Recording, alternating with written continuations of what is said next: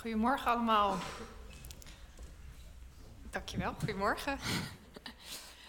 Uh, ik wil jullie wat vragen. En dat is het volgende. Ga eens even lekker daarvoor zitten. Het is niks engs, nog. nog. het zal ook niet komen, nee hoor. Ga eens even lekker zitten met je beide voeten op de grond. En sluit je ogen maar eens even.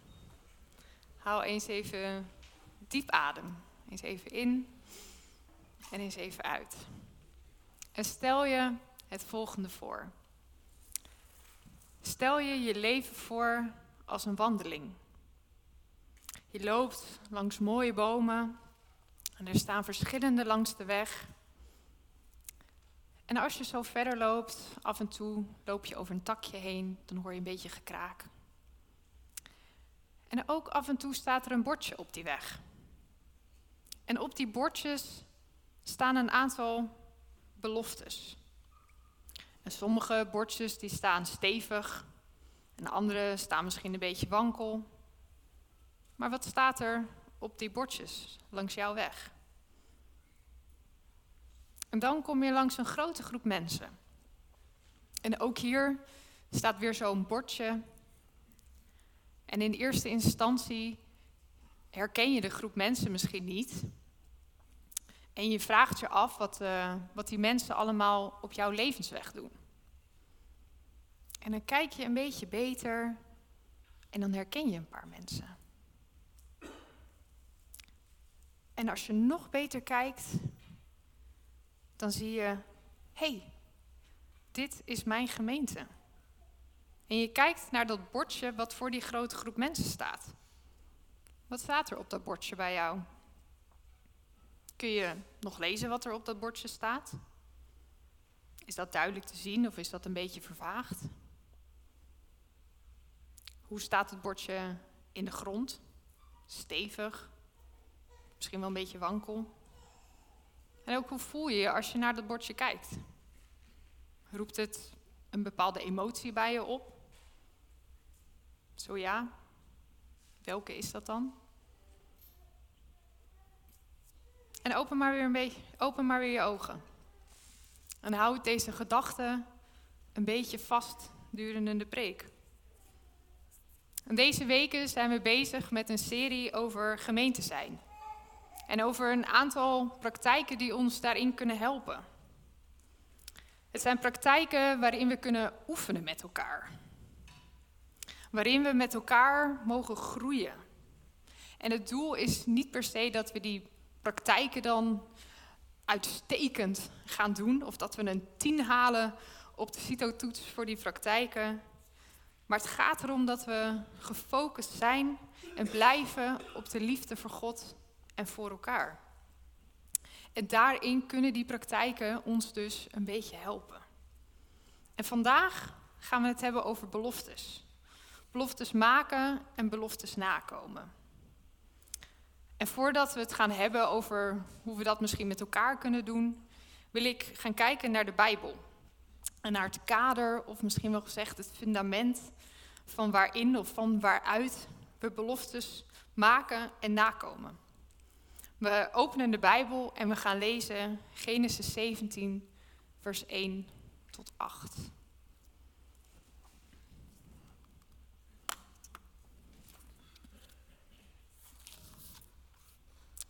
Toen Abraham 99 jaar was, verscheen de Heer aan hem en zei: Ik ben God, de onzagwekkende.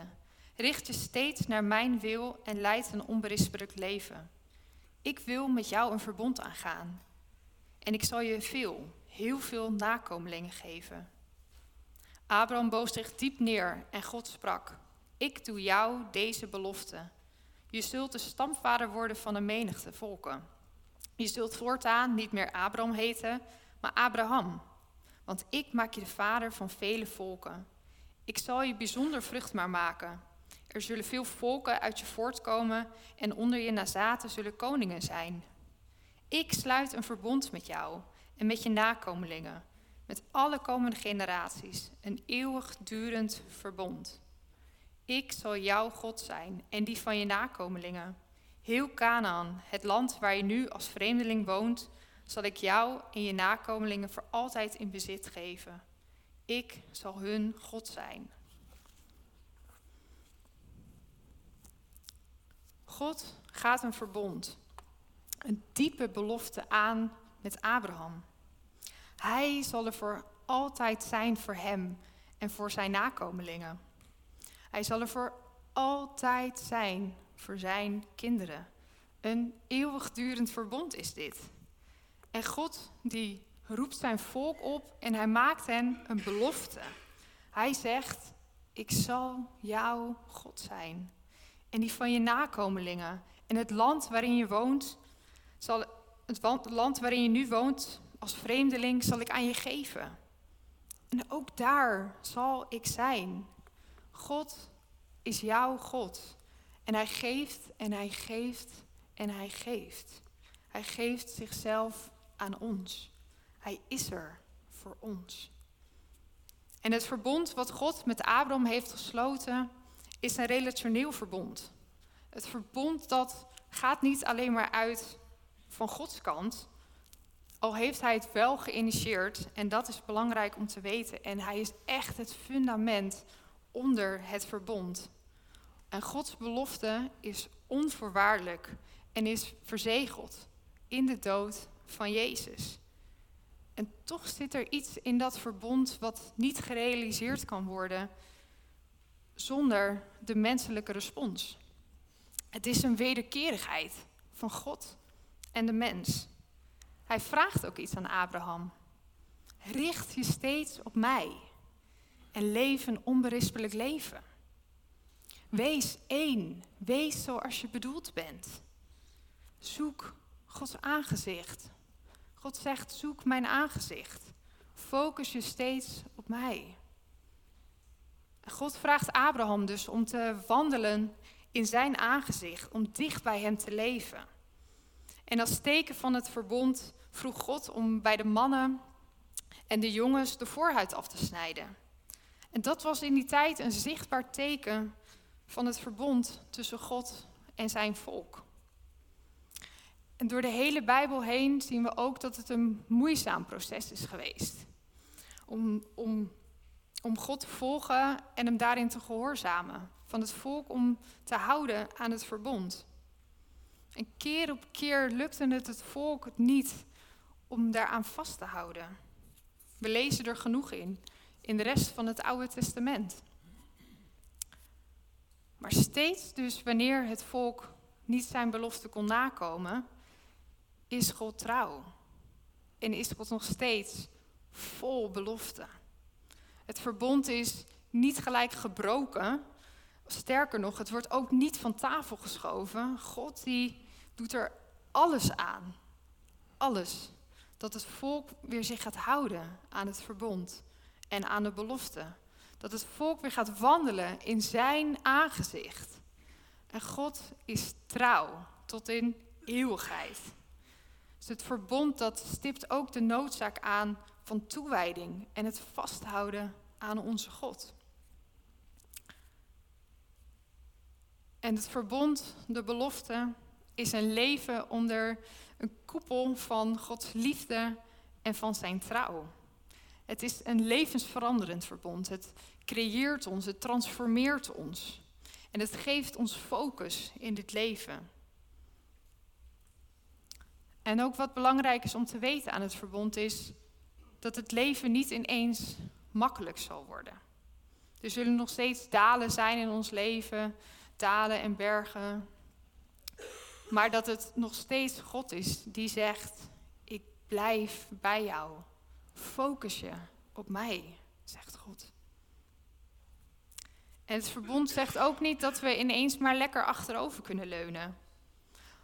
En dat we denken: Ja, God zal het wel doen misschien. Hij zal het ook doen, maar het vraagt van ons ook een bepaalde actieve houding daarin. In het zoeken naar God en in het zoeken naar onze naasten. Het is Gods standvastige liefde voor ons en zijn trouw van beloftes maken en houden, dat dat allemaal omhult. Het verbond is het kader wanneer we beloftes maken en ons eraan houden. En God is daarin ons grootste voorbeeld. In het zijn van een beloftemaker en een beloftehouder. En waarom is het misschien goed dat wij dat ook doen? Wat kunnen wij leren van God daarin? En hoe helpt beloftes maken en houden ons in deze gemeente? Hoe helpt het ons verder?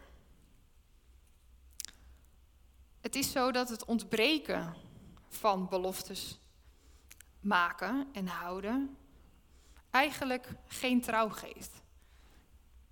Er is niet echt een commitment als dat er niet is. Het is eigenlijk maar een beetje een losse boel zo bij elkaar.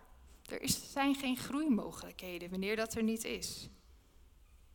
Want vaak wanneer we spreken over de moeilijkheden rondom beloftes, dan spreken we over de moeilijkheden van het houden aan beloftes. We maken een belofte en het houden van die belofte, dat, dat, dat is misschien moeilijk. Maar weet je, eigenlijk ligt het probleem misschien niet eens aan het houden aan die beloftes, maar aan het maken van beloftes. Een Amerikaanse predikant schrijft er het volgende over. Het is beloftes maken, niet per se het houden aan beloftes, dat een familie vormt. Beloftes maken maakt mogelijk dat we ons als een familie kunnen vormen. Familie blijft familie in het midden van een niet vervulde belofte. Maar wat een familie kapot maakt, is het instorten van beloftes maken. Het is zo dat wanneer men niet meer gelooft in het maken van beloftes, dat een familie langzaam overlijdt. De moeite rondom het houden van beloftes en het instorten, het moeilijkheden rondom beloftes maken, zijn natuurlijk wel aan elkaar verbonden. Om een voorbeeld te noemen. Toen ik trouwde met Marcel, heb ik aan hem beloofd dat ik er altijd voor hem zal zijn. Maar als ik mij door wat voor reden ook niet, als ik niet lekker in mijn vel zit, drukke dag heb gehad, geen tijd heb, of dat ik er gewoon niet voor hem kan zijn, betekent niet ineens dat, dat onze belofte gelijk helemaal verbroken is, dat die er niet meer is. Die blijft bestaan. En juist het maken van de belofte, wat ik heb gedaan, maakt dat we nog steeds verbonden aan elkaar zijn. En dat we nog steeds de intentie hebben om die belofte te doen laten uitkomen. En dat is hetgene wat ons bindt. Vandaag de dag leven we in een tijd waarin we graag onze opties open willen houden. We kijken altijd maar naar wat meer kan. Staat ons niet aan, dan kiezen we toch het andere. We kiezen voor de leukste activiteiten, de beste keuzes. We willen maar niks missen. We houden onze opties open. Het lijkt wel of ergens aan committeren niet meer hip is. Want straks kies je voor iets. Maar goed, het andere kan misschien altijd leuker of beter zijn. Het ontbreken van het maken aan beloftes laat ons een beetje op wankele grond staan. En het is misschien wel een beetje een losse boel zo bij elkaar. Maar wanneer we beloftes gaan maken en ons eraan gaan houden, dan bindt dat ons. En dan geeft het ons groei. Het geeft ons een diepere connectie met elkaar. Hoe zie jij eigenlijk de kerk hier, deze gemeenschap? Zie je dat als een plek waarin je komt op zondag om iets te halen, iets te ontvangen, te consumeren, lekker te zitten? Of is het ook een plek waar u, waar jij elke dag ook aan wil meewerken? Het vraagt van ons, het vraagt wat van ons om dat te doen. En we zijn allemaal medewerkers en medebouwers aan deze gemeente. Het maken van beloftes en het houden van beloftes is iets wat ons samenbindt. en ons ook samen houdt. En de afgelopen twee weken hebben we diensten gehad waarin we kinderen mochten opdragen. We hebben ook een ja gezegd tegen deze kinderen. We hebben een belofte gedaan aan deze kinderen dat we er voor hen zullen zijn, voor hen en de ouders in hun geloofsopvoeding. En we staan eigenlijk als het ware als een gemeenschap om deze kinderen heen. Om nog ook een voorbeeld te noemen, bij het lid worden van de gemeente hebben we eigenlijk ook een belofte gedaan. We hebben beloofd om deel te zijn van deze gemeente. En bij het lid worden van deze gemeente beleiden we ook dat we niet zonder Jezus kunnen in ons leven. We hebben Hem zo nodig. En we committeren ons aan een gemeente van medebroers en zussen die Jezus ook zo nodig hebben. En beloftes maken en beloftes houden helpt ons dus om aan elkaar te binden. En het is daarin ook goed om te kunnen onderscheiden wat voor belofte je maakt. Niet elke belofte is ook goed of vruchtbaar. Het gaat niet om het afvinken van een belofte. Om simpelweg maar gewoon iets te doen omdat ik dat nou eenmaal beloofd heb. Het gaat echt om een diepere laag hier in beloftes. Het gaat veel meer om een fundament wat we hier met elkaar aan het bouwen zijn. De liefde die we voor God hebben en die we voor elkaar hebben. Het gaat er dus niet om, om een moedje. Dat je denkt, ik heb nu beloofd om voor deze gemeente te zijn, dus dat betekent dat ik voor iedereen moet koken. Zo'n belofte zou kunnen, en is misschien voor één iemand of twee in de gemeente super vruchtbaar en goed. Maar voor iedereen is dat beloftes maken en houden, ziet dat er weer anders uit. Het is de liefde met een hoofdletter wat ons daarin bindt. De liefde die we voor elkaar hebben, daarin maken we een belofte. Het verbond wat God met Abraham sloot, is ons kader in het beloftes maken. God omhult en omsluit al onze beloftes. Hij is de allergrootste beloftemaker en beloftebewaarder. Hij is echt ons grootste voorbeeld daarin. En wanneer wij treden in het verbond met God en ons blijven richten op Zijn aangezicht, ons focussen op Hem, Hem blijven zoeken, dan treden we vanzelf ook meer naar elkaar toe. Het is immers ook de geest die ons aan elkaar bindt.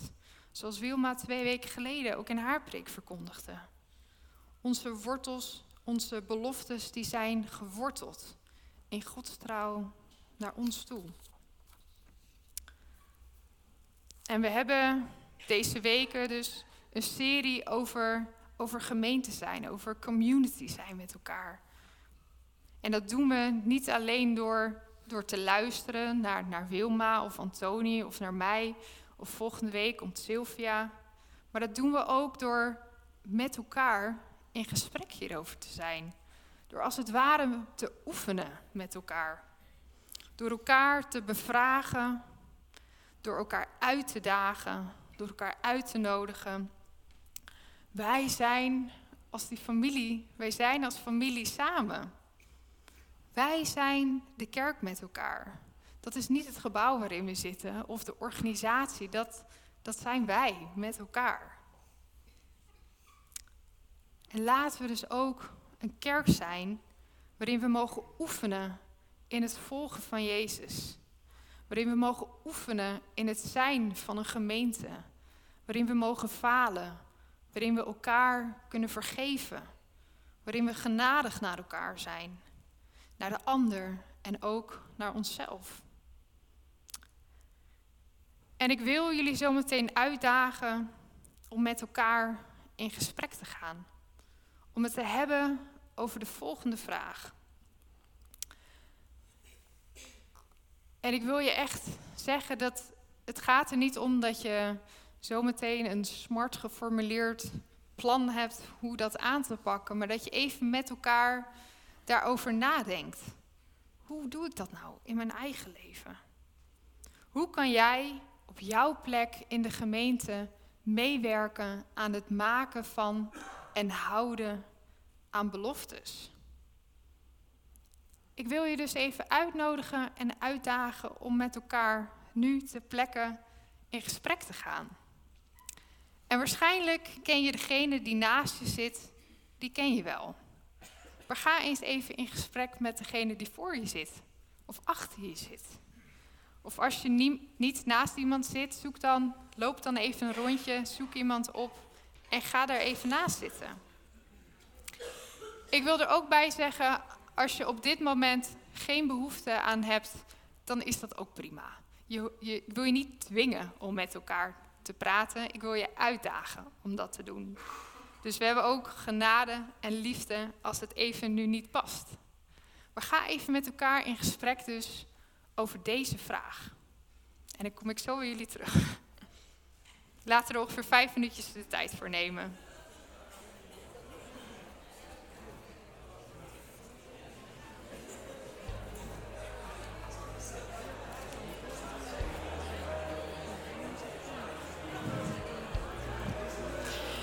Niet zo goed wat ik moest doen. Ja.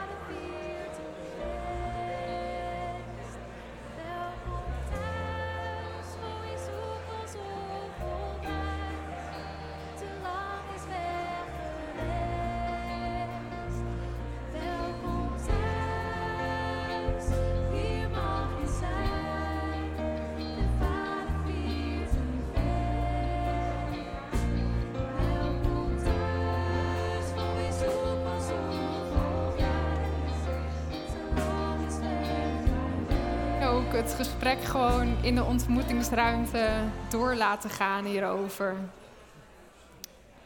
Ik hoop dat jullie al een beetje hebben kunnen uitwisselen, een beetje hebben kunnen proeven om over dit onderwerp na te denken. En beloftes maken en houden aan beloftes is een kwetsbaar proces. Want misschien hebben we ook wel het vertrouwen verloren in beloftes maken en beloftes houden. Misschien heeft iemand je in je leven wel gekwetst daarin en durf je zelf eigenlijk niet meer een belofte te maken. Gods genade en zijn liefde is zo oneindig groot voor jou.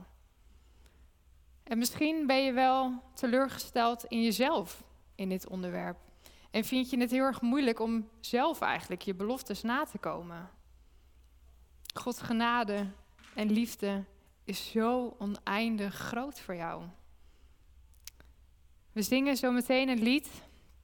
En na het lied is er ook mogelijkheid voor het open altaar. En zullen we een moment hebben om, om te bidden.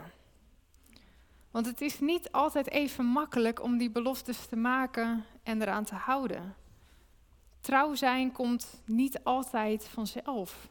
We hebben zo Gods geest daarin nodig in ons leven.